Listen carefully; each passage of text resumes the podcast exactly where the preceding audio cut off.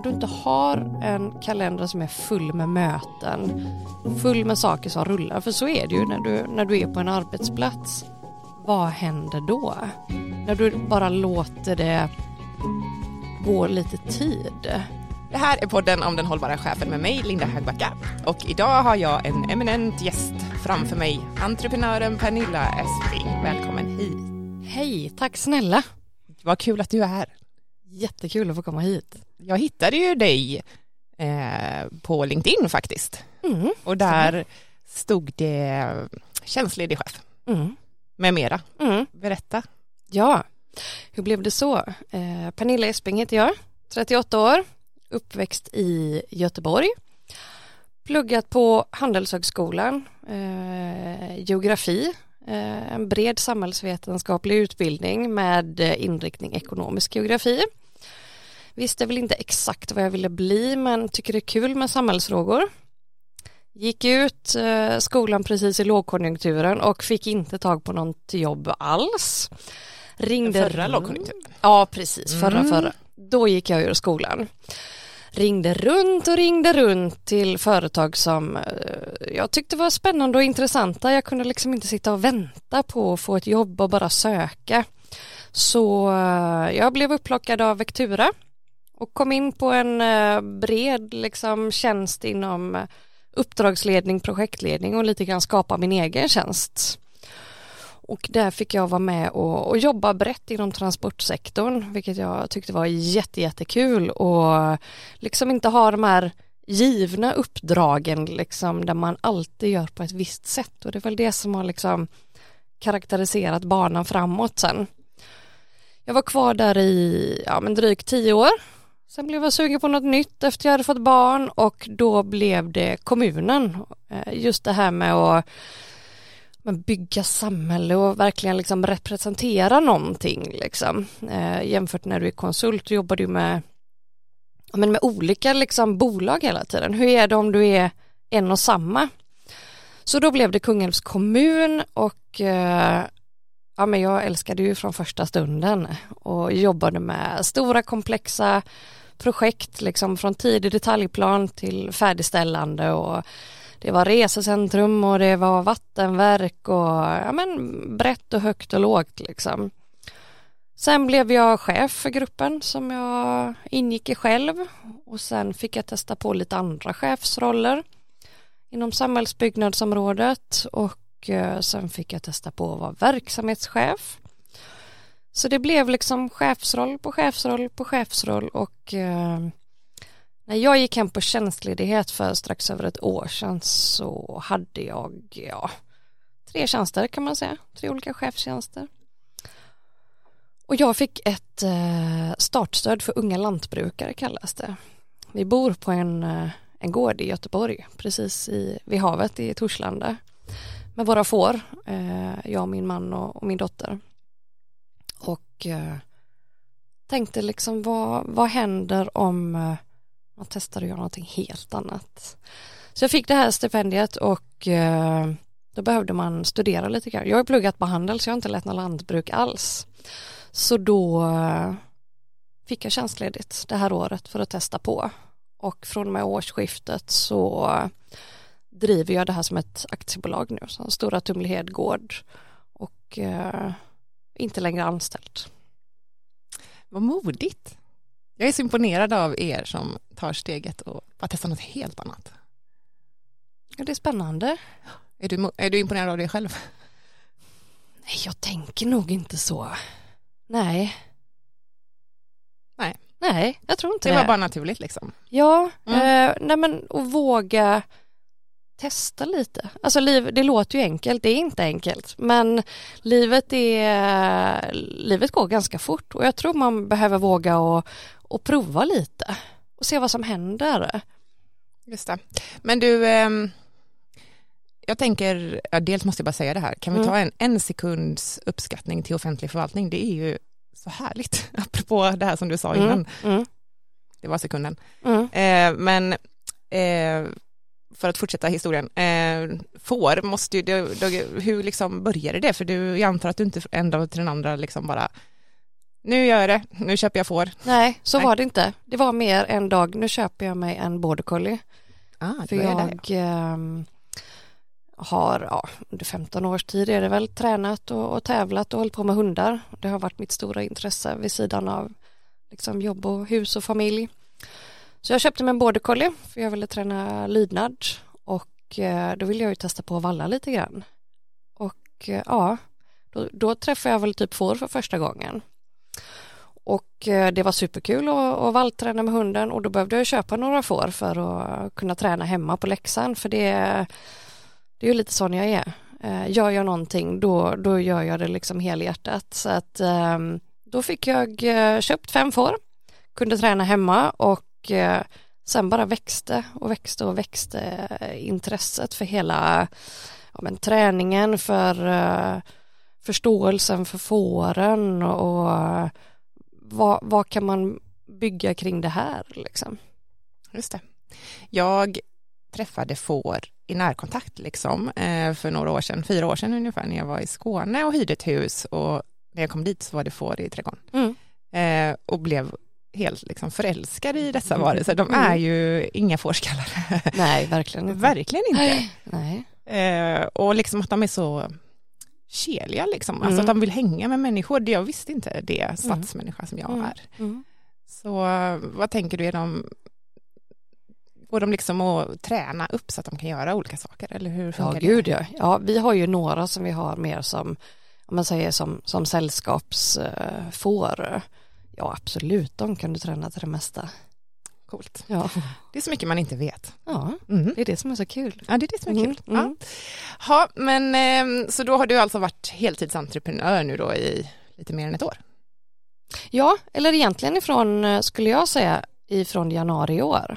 Förra året blir ju lite, ja men provår, tjänstledig, plugga en del, eh, liksom den resan och sen ta steget till att, men verkligen bli entreprenör. Den känns nu från, från januari. Nu är det, nu är det på riktigt.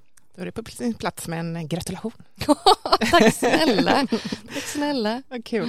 Men du, om vi går tillbaka till det här med tre jobb Mm, som du hade. mm. Nu eh, förändras rösten lite.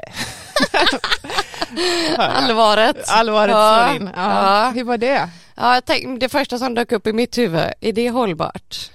Ja men precis, Ja. det var dit jag ville komma. Ja. Lite ledande fråga trots allt. Det är inte hållbart. Ehm, alltså jag har stor respekt och stor ödmjukhet för komplexiteten och utmaningen att faktiskt driva ett samhälle som det är att driva en, en kommun helt enkelt. Ehm, och eh, det är väldigt, väldigt mycket som, som krävs och, och behöver finnas på plats och det blir ju också kanske svårt att jobba proaktivt. Um, lätt att hamna i det reaktiva just för ett samhälle rullar ju på med så himla många olika funktioner. Jag är ju i, i min natur lösningsorienterad och, och med mycket driv och då blir det lätt så att, att man kanske hoppar på ganska mycket eh, och ser möjligheter och eh, det är ju just frågan om, om det alltid är hållbart också. Mm. Den där härliga balansgången. Ja, precis, precis. Mm. Men ehm, vad var det som gjorde att du liksom tog, bestämde dig idag att nu, nu ska jag inte ha tre chefstjänster längre? Jag tror att jag, alltså, man kan väl säga så här, jag brukar varken med mina projekt eller när jag har jobbat som chef se saker som, om man säger, min baby eller hålla hårt i dem. Jag har hela tiden sagt till, till min chef som var eh, samhällsbyggnadschefen att se mig som en funktion i, i din organisation. Använd mig där du bedömer att jag gör mest nytta för att du ska ska nå ditt mål eh, och det, är- det är därför vi är här liksom. Och eh, det är lite, det är lite så jag har jobbat och sen hade jag varit där ändå i, i sju år Eh, och då, då börjar man också se saker som har varit utmaningar som kanske kommer igen och man sitter i en styrgrupp och behandlar kanske någon skola som ska byggas. Ja men jaha, nu dök det här upp igen. Och som en chefskollega sa som slutade, vad var det, något år innan mig som sa nej, men det kanske helt enkelt är dags att, att någon annan ska få ett perspektiv på det här.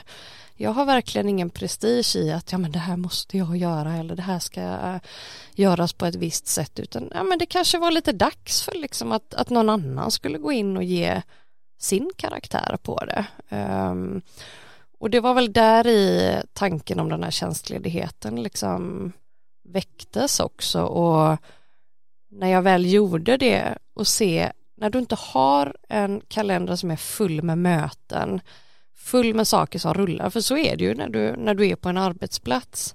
Vad händer då? När du bara låter det gå lite tid. Vad du ser när du inte bara springer.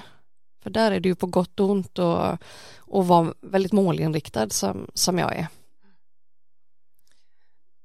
Mm.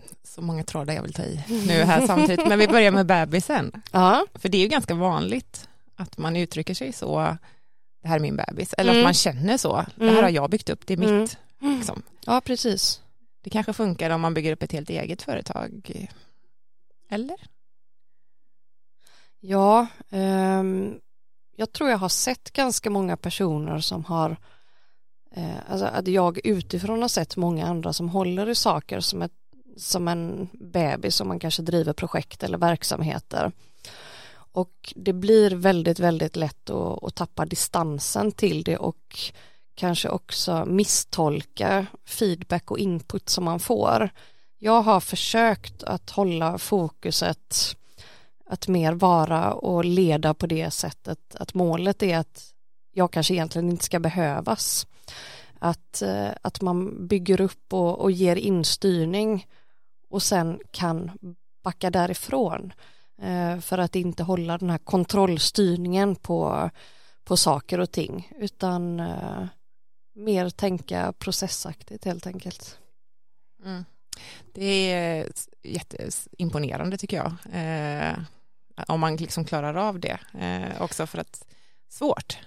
Ja det är jättesvårt och jag tror att man använder mig på bästa sätt också när eh, jag, jag har ju hoppat in i mycket som har, har varit kaos eh, och som kanske andra inte vill ta tag i, alltså inte bara där jag var sist utan ja, men det kanske har varit jobbiga utredningar eller varit snurrigt och rörigt och sånt där älskar jag. Och, och hoppa in och, och bringa liksom eh, struktur och se beroenden och hur kommer vi framåt? Så att det är väl min styrka eh, medan jag också är liksom lite otålig. Så att jag är ju inte den här förvaltande personen. Det finns ju de som är mycket, mycket duktigare på att sen driva vidare långsiktigt och hålla i det kontinuerligt och får jag verka liksom i, i den rollen där jag kan hoppa in och, och göra nytta så tror jag att jag också blir duktigare på att hålla den här distansen till saker och ting.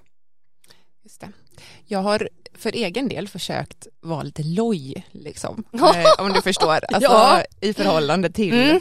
det jag mm. leder. Mm. Eh, så jag har liksom ett pågående resonemang i mitt huvud då, så här, mm. det här är inte ditt liv, alltså nej, det viktigaste nej, som finns nej, i ditt liv. Ja. Eh, utan det, det, är ett jobb ja. eh, och ja. du, du, ska göra det bra och så. Men du ska, det är inte liksom super, super, super viktigast. Och då känner jag mig liksom Ja, du gör det? Loj. Ja jag har sätt. försökt med det, det har inte funkat för mig. Nej, men jag tänker att jag känner mig också lite loj på ett dåligt sätt som att jag ja. borde bry mig. Alltså förstår ja, du, det blir ja, liksom en sån här dragkamp mm. i huvudet mm. hela tiden. Så här, du borde bry dig mer, nej det borde mm. du inte. Mm. mm. ja, du vet. Men mm, ja, det funkar inte för dig. Nej, det gör inte det. Jag har nog mer jobbat på det viset att i och med att vi har haft djur hela tiden, inte så mycket djur som vi har nu, men vi har ju alltid haft hundar och ändå liksom några får och sådär och gård, det kräver liksom ganska mycket tid. Jag har inte tänkt att det jag inte hinner på jobbet, det gör jag ikväll. Jag har eh, inte suttit med dator på, på kvällar och, och helger och sådär. Jag har varit jätte, jättestrikt i att behöver jag jobba lite längre så sitter jag kvar och då har jag och min man lagt upp det så att vi har väl haft en, två dagar i veckan där man faktiskt kan sitta kvar.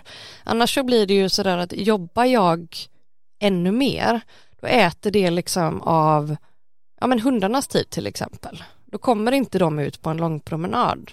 Eller det äter på tiden där vi faktiskt behöver sköta våran gård. Och där har jag ju kunnat begränsa mig på det viset i att inte jobba för mycket. Jag har tvingat in det liksom i en, i en form för att få, få ihop det hela liksom. Just det, så det blir liksom en, ja, det blir, det är så här, du måste göra det för att det ska fungera. Och då Ja, blir det på ja. något sätt avslappningen i sig, eller nedstressande då. Ja, sen kan det ju också bli så att om du har de här liksom kakformarna där du ska få in eh, familj, gård och jobb och så älskar du och tycker det är så himla roligt alltihopa så tar du på dig kanske lite för mycket och ska knöla ner i, i en av kakformarna då kan det ju bli en stress i att kakformen är full men du vill ändå du måste vidare till nästa kakform liksom och det är väl kanske där min stress har blivit när det är för mycket och då har jag blivit ännu mer fokuserad på att inte blanda ihop saker. Så det kan ju vara den negativa aspekten i det att, att så gärna vilja hålla isär saker och inte blanda det. Idag lever jag ju istället precis tvärt emot. Nu har jag plockat bort alla kakformar och inte liksom vid en viss tid nu får du inte tänka på jobb, nu är du i, kakform nummer två liksom. Nu lever vi ju i en bubbla hela familjen som är familj, djur, företag. Så det är ju att testa just och, och radera det som både har funkat väldigt, väldigt bra men också ibland har bidragit till en stress. Du är steget före mig här känner jag. Jag är fortfarande i kakformarna. Ja, vi kan gå tillbaka till dem. Eller jag menar att jag som eh, människa är det. så här, nu får du inte tänka på jobb, stänger vi av allting. Men det funkar också, det gör det ju Mm. verkligen. Men Mm. eh, man får, jag har också börjat fundera på det här med ja, nästa steg liksom. Det kanske är det här som du beskriver. Men det är ganska många och som tror jag försöker jobba med de här kakformarna. Och på ledarskapsutbildningar som, eh, som man har gått som, som chef som har varit fantastiskt bra så inser man ju just att många chefer och ledare kämpar liksom dagligen med det här. Inte jobba för mycket, eh, inte tänka på jobb vid vissa tillfällen och, och sådär. Och det där kan ju nästan också bli lite som en mani. Alltså, kopplar jag av nu? Tänker jag på jobb? Är det okej att tänka på jobb nu? Men nu går jag en promenad. Kan, kan jag tänka på det här nu? Har jag sovit tillräckligt bra? Eller, alltså, att, att det där blir som en, nästan som en ond grej att du ska vara tillräckligt avkopplad på något vis. Eh, och bryta det med ett helt annat mönster som, som jag gör nu är eh, det är liksom som att öppna en ny lucka i huvudet på något vis liksom att, att släppa det liksom. Så intressant. Jag får lite rys här på andra sidan bordet ändå. ehm, förresten, om du var en pepparkaksform så tycker jag att du borde vara den här stjärnformen. You're a star! Det var gulligt sagt. Jag såg det framför mig när jag stod här och gjorde peppar. Jaha. Men du, ehm, mm, jag måste tänka lite. Jag kommer Mm. klippa bort det. Eller inte. Så kanske lyssnarna får veta att jag står här och mm, funderar på saker. Jag funderade på Eh, nej men jag tänkte mm, mm, alltså på det här eh, att, att liksom eh, få ett, alltså att leva livet lite grann tänkte jag Ja. på nu. Alltså för, på något sätt så låter det så för mig när du berättar mm. att nu lever du ett liv Mm. som liksom är en helhet lite mer Ja, än att att det liksom är så här, nu har jag detta och så har jag detta och så, jag Ja. detta, och så checkar jag i boxen träning, så checkar jag i boxen slappna av, så checkar Ja. jag i boxen Ja. eh, jobb. Ja. Sådär liksom. Ja. Är det så det känns? det är precis så, så det känns. Eh, och också om vi går tillbaka till de här utbildningarna och, och mycket det här chefscoachningen att jag fastnar lite grann i det att, att, eh, att, att det är väldigt många som inklusive mig själv liksom ska på något vis kämpa med och lära sig och leva i en omgivning där, eh, där det hela tiden är för mycket om man säger. Att du måste, du måste lära dig det här Pernilla och förhålla dig till att, att du är överbelastad. Och där tror jag att det väcktes mycket tankar också.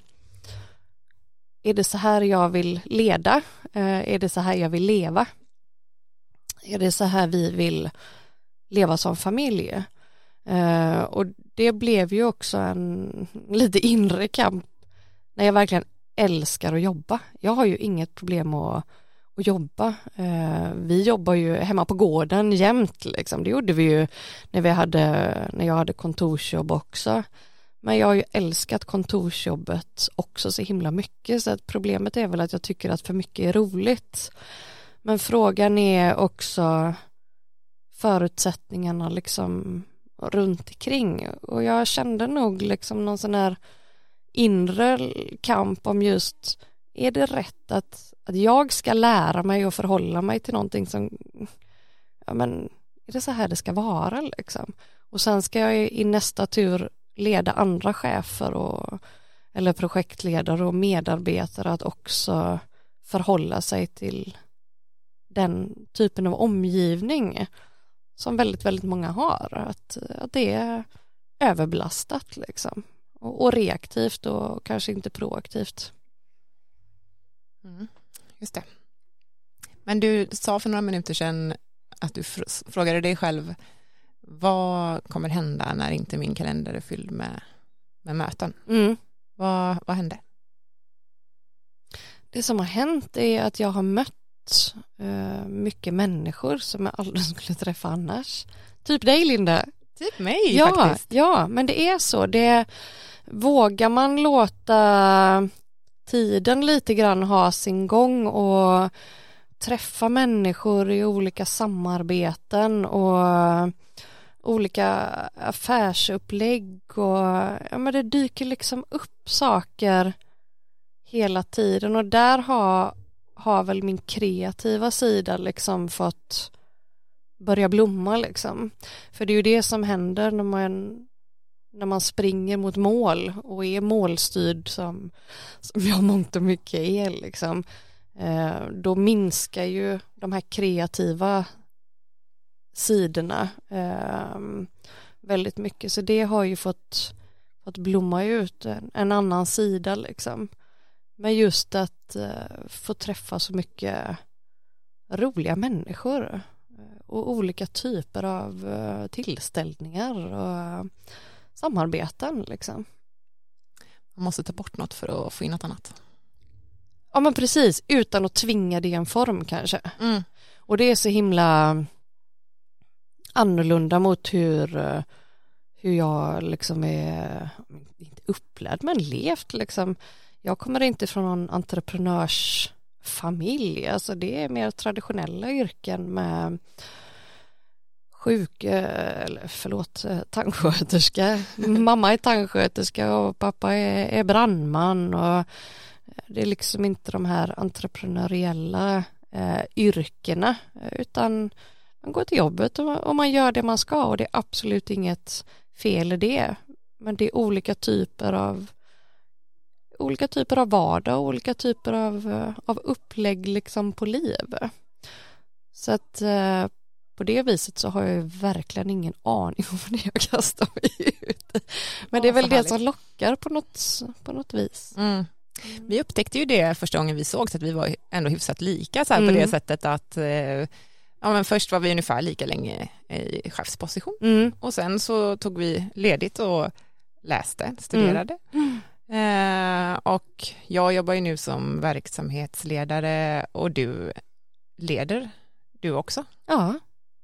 Hur, eh, kan du inte berätta om ditt ledarskap liksom nu i dagsläget? Ja, mina medarbetare idag består ju av över hundra djur istället. Eller hur? Ja, det är så, kul att tänka på. Ja, ja. Jag, bara, jag älskar ja. ju djur. Ja. Jag blir glad bara du säger det. Nej, men jag tror att det har eh, det har varit jättenyttigt för mig under mina år som, som chef och också liksom ja, men som medarbetare. Den här träningen med, med hundarna är ju eh, är ju en jättestor del av vad jag har lärt mig i, i ledarskapsrollen.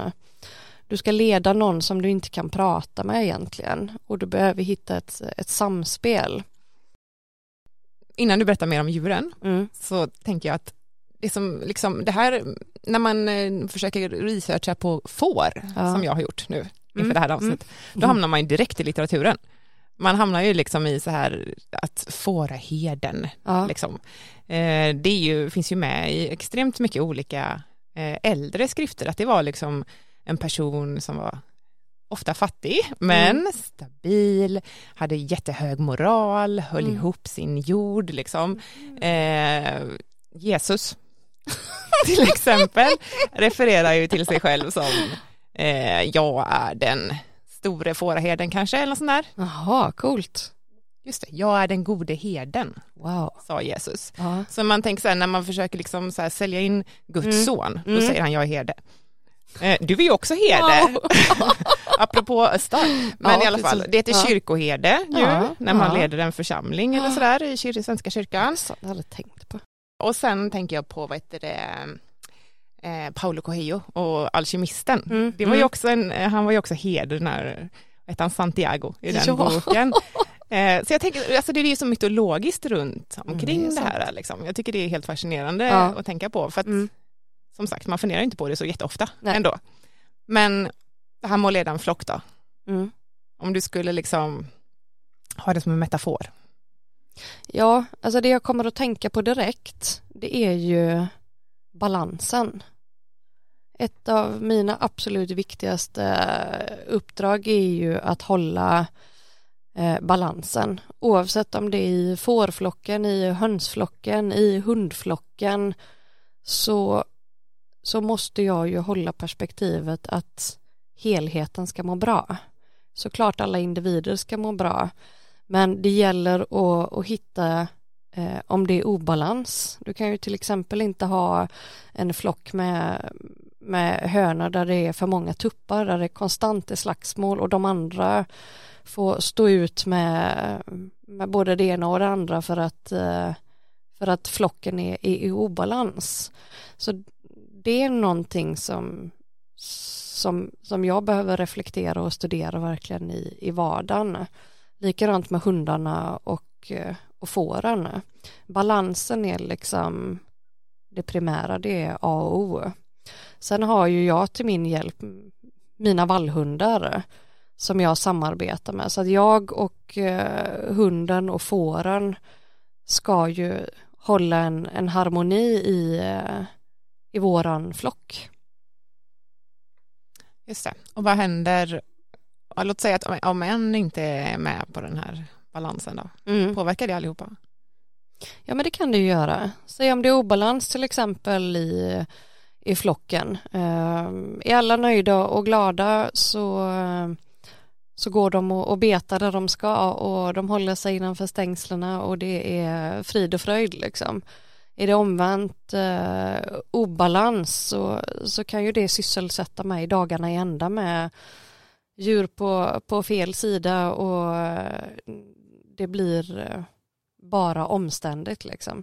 Sen blir det ju det av sin natur, alltså om man delar av lamm och sådär, men eh, balansen och, och hitta om det är individer som, eh, som kanske inte mår bra eller eh, sådär, det kan ju, det påverkar he, hela, hela flocken. Så det är som att jobba med ja, men en, en gruppdynamik liksom, om, om man jämför det med, med ledarskapet i, på kontoret egentligen. Just det. Så du, om du skulle ta ett uppdrag som, med personalansvar Mm. igen, Mm. tänker du att du skulle ta med dig några speciella saker från, från ditt arbete med flocken?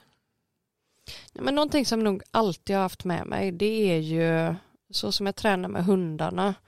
Eh, det är ju att jobba med väldigt, väldigt mycket positiv förstärkning och bygga självförtroende. Du kan liksom inte pusha in en hund i någonting som den inte vill göra. Du behöver bygga upp hunden så att den känner att den klarar av det och förstärka det den gör bra. Får den höra hela tiden det den inte gör bra så, så kommer det inte bli bra heller. Och få hunden att jobba och bli trygg på, på längre och längre avstånd ifrån dig. Och det går ju att applicera både på, på barnuppfostran och, och när man jobbar i, i organisationer som, som chef också det här att ha fokus på det som, som man är bra på och det man tycker är roligt och stärka, stärka en, en självständighet men också såklart eh, samarbeten. För det är också någonting som, som man premierar högt när, när jag samarbetar med hunden eh, tillsammans med fåren. Hunden kan ju inte dra ut och, och valla omkring fåren lite själv som den vill utan mitt, mitt krav är ju att du får göra det här du älskar mest, alltså valla får. Men du och jag har hela tiden en, en connection och samarbetar mot målet om det är att flytta fåren någonstans eller hämta någon som är sjuk. Och, och det går att likna ganska mycket vid, eh, vid chefskap, ledarskap i egentligen vilket samarbete som helst. Att, att bygga tillit och, och, och samarbete och uh, lyssna uh, för, att, uh, för att nå dit, dit man vill samarbetet mellan mig och hunden är ju det är ju helt A och O. Det är ju samma sak i chefsrollen. Samarbete och tillit är ju, är ju grunden för att, att nå de målen som vi ofta är på ett jobb för att, att utföra.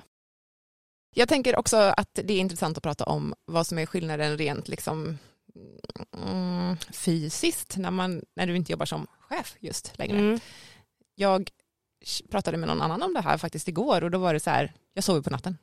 Var ja, svaret då. Ja. Eh, och det, det är ju lite det som är anledningen till att jag har den här podden överhuvudtaget, mm, är att mm. det är mm. väldigt vanligt bland chefer att man ja, inte tillfredsställer de basala mm. fysiska behoven. Ja, liksom. Hur var det för dig och hur är det nu? Jag tycker ju den största skillnaden är ju just variationen. Um, att kunna vara utomhus, röra sig mer i, i vardagen. Eh, det är en jätteskillnad. Att ena stunden liksom vara nere i fårstallet och jobba eller vara ute och röja sly och nästa stund sitta och spela in podd eller göra en affärsplan eller vara ute och ha möten med restaurangen. Den här variationen känner jag fysiskt att min kropp mår mycket bättre av. Ehm, Verkligen. Eh, sen har det varit lite intressanta saker på vägen som till exempel jag, var, jag har linser och gjorde synundersökning och där konstaterar optiken att eh, ja, men du ser bättre. Mm. Eh. Är det skärm, skärmögonen här som försvinner? Ja, eller? det är det. Så när, det var just när jag var tjänstledig och, och, så gick jag och gjorde en synkoll och ja, men du ser faktiskt bättre. Så att det är lite sådana där grejer och det är ju någonting jag har funderat på, det här stillasittandet liksom. Den variationen som jag får idag uppskattar jag väldigt, väldigt mycket. Jag har inte haft sömnproblem på det viset. Ehm, men eh, stressen över att ja, men hinna röra på sig och, och de här bitarna, det, det tycker jag har, det har liksom försvunnit. Den stressen den är, det är intressant, verkligen. Mm. Vi var inne mm. lite kort på det alldeles nyss, här, men, eh, men just det här att checka i rutan, träningsrutan. Ja, liksom. precis. Eh, och att man ska göra det också. Ja. Och så försvinner liksom den här, hela den här faktorn kring att man faktiskt varvar ner med träning försvinner mm. ju om det blir en prestation i det också. Mm. Helt plötsligt blir veckan en eh, box av rutor som du ska kryssa i liksom. Mm. Exakt. Det är väl det som är skillnaden att försöka leva mer nu liksom. Eh, här och nu och inte springa och, och bocka av saker. Mm, så, hälsoaspekten i det här är ju eh, jätteintressant tycker jag. Mm. Finns det liksom mer, något annat eh, som har skett med dig liksom, i den här metamorfosen? Jag, jag känner att jag kör på litteraturspåret idag. Ja, det är bra. Mm. Um, Alltså det ställer ju väldigt höga krav på, på självledarskapet. Det är ju någonting som jag har, alltid har tyckt varit väldigt, väldigt kul att, att jobba med och, och lyssnar ju gärna på eh, den här typen av poddar och, och sådär. Gått en hel del utbildningar som chef och verkligen ja, men jobba med sig själv. Vi har bra, bra sidor och vi har sidor vi behöver jobba med och sådär. Men när du är entreprenör och, och är hemma och du i perioder kanske är mer ensam och att du också ska styra allting själv. Det är ju ingen som säger till dig vad du ska göra på dagarna. Liksom. Ja, möjligtvis hundarna, då skulle jag vara på promenad dygnet runt. Liksom. Så att det ställer ju ännu, ännu högre krav på, på dig själv, på ditt självledarskap. Vilket eh, ibland är väldigt, väldigt utmanande. Eh, om, om, man behö, om man går på kanske flera motgångar till exempel. Och hålla fokus Eh, framåt, uppåt och eh, behöva jobba med det hela, hela tiden. Så jag har börjat och, och faktiskt, eh, ja, jag har ju mängder med olika dokument jag jobbar med, men jag har faktiskt en sån här A3-karta som jag har skrivit för, för hand i olika färger där det är liksom, här är din ledstång liksom. Kom ihåg, som du hela tiden kan gå tillbaka till liksom och när du känner att man tappar fotfästet lite grann och jag kan också vara lite ja, men, impulsiv, alltså jag älskar att se möjligheter, samarbeten, nya produkter och inte heller kanske fastna i att uh, tycka att det är kul att utveckla och, och, och skapa och, och, vara innovativ utan du behöver också jobba på och mata på i vissa spår. Och där har jag min sån här mindmap där jag får träna lite på på det. Och då har jag och dottern Astrid vi har varit och köpt sådana här eh, pennor, eh, de här tuschpennorna som man kan sudda med liksom. Mm. mm. Bra.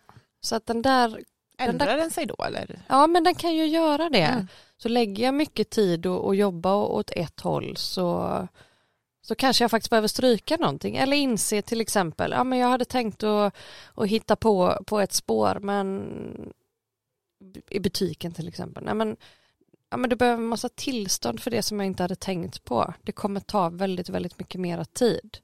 Nej, men då stryker vi den. Då kanske du lägger den på år tre, år fyra. Och, och hela tiden jobba med det här och kanske inte bli, eh, ja, men bli nedslagen eller fastna i, eh, i känslor som jag kan göra ibland. Står det med det suddbara bläcket, fastna inte i känslor? Eller vad står det där? Nej, vet du vad det står? Jag lyssnade, jag blev så inspirerad av en, eh, en podd jag lyssnade på med Peter Settman. Eh, superentreprenören eh, och då sa han det är skott på mål som räknas. Så det som står är det är skott ja. på mål. Ja. Bra där. Så om, om jag fastnar i någonting och nej men ut, kör, kör, skott på mål. Fastna inte i, i känslan liksom. Nej, just det. Bra där. Du, eh, blir det ensamt på gården på dagarna? Oftast inte. Eh, ibland kan det bli det. Så att där har jag hittat lite små rutiner för att få till ja, men externa möten med ett visst typ av intervall och, och sådär. Jag kan inte gå och gneta på gården hela tiden. Det är jag för social för samtidigt så behöver jag och jag mår också bra av att har jag haft mycket externa saker så behöver jag gården. Och så har jag ju använt det när eh, jag har jobbat på kontor också. Jag har ju trivts med att jobba kanske en dag i veckan hemma och det har jag ju insett och, fått hjälp med, med mentorer att förstå att, eh, att jag har eh, ett karaktärsdrag som, som man kallar för högkänslig att jag eh, tar in väldigt mycket intryck och, och bearbetar på, på djupet. Det är ju på ett sätt en superkraft eh, att kunna liksom ja, men se saker. Alltså jag har nog varit ganska duktig på att fånga upp liksom om folk mår dåligt och, och känna av sinnesstämningar i, liksom i affärer och, och sådär. Men det tar ganska mycket energi så att det här att kunna backa hem och vara i en lugn miljö när jag behöver det.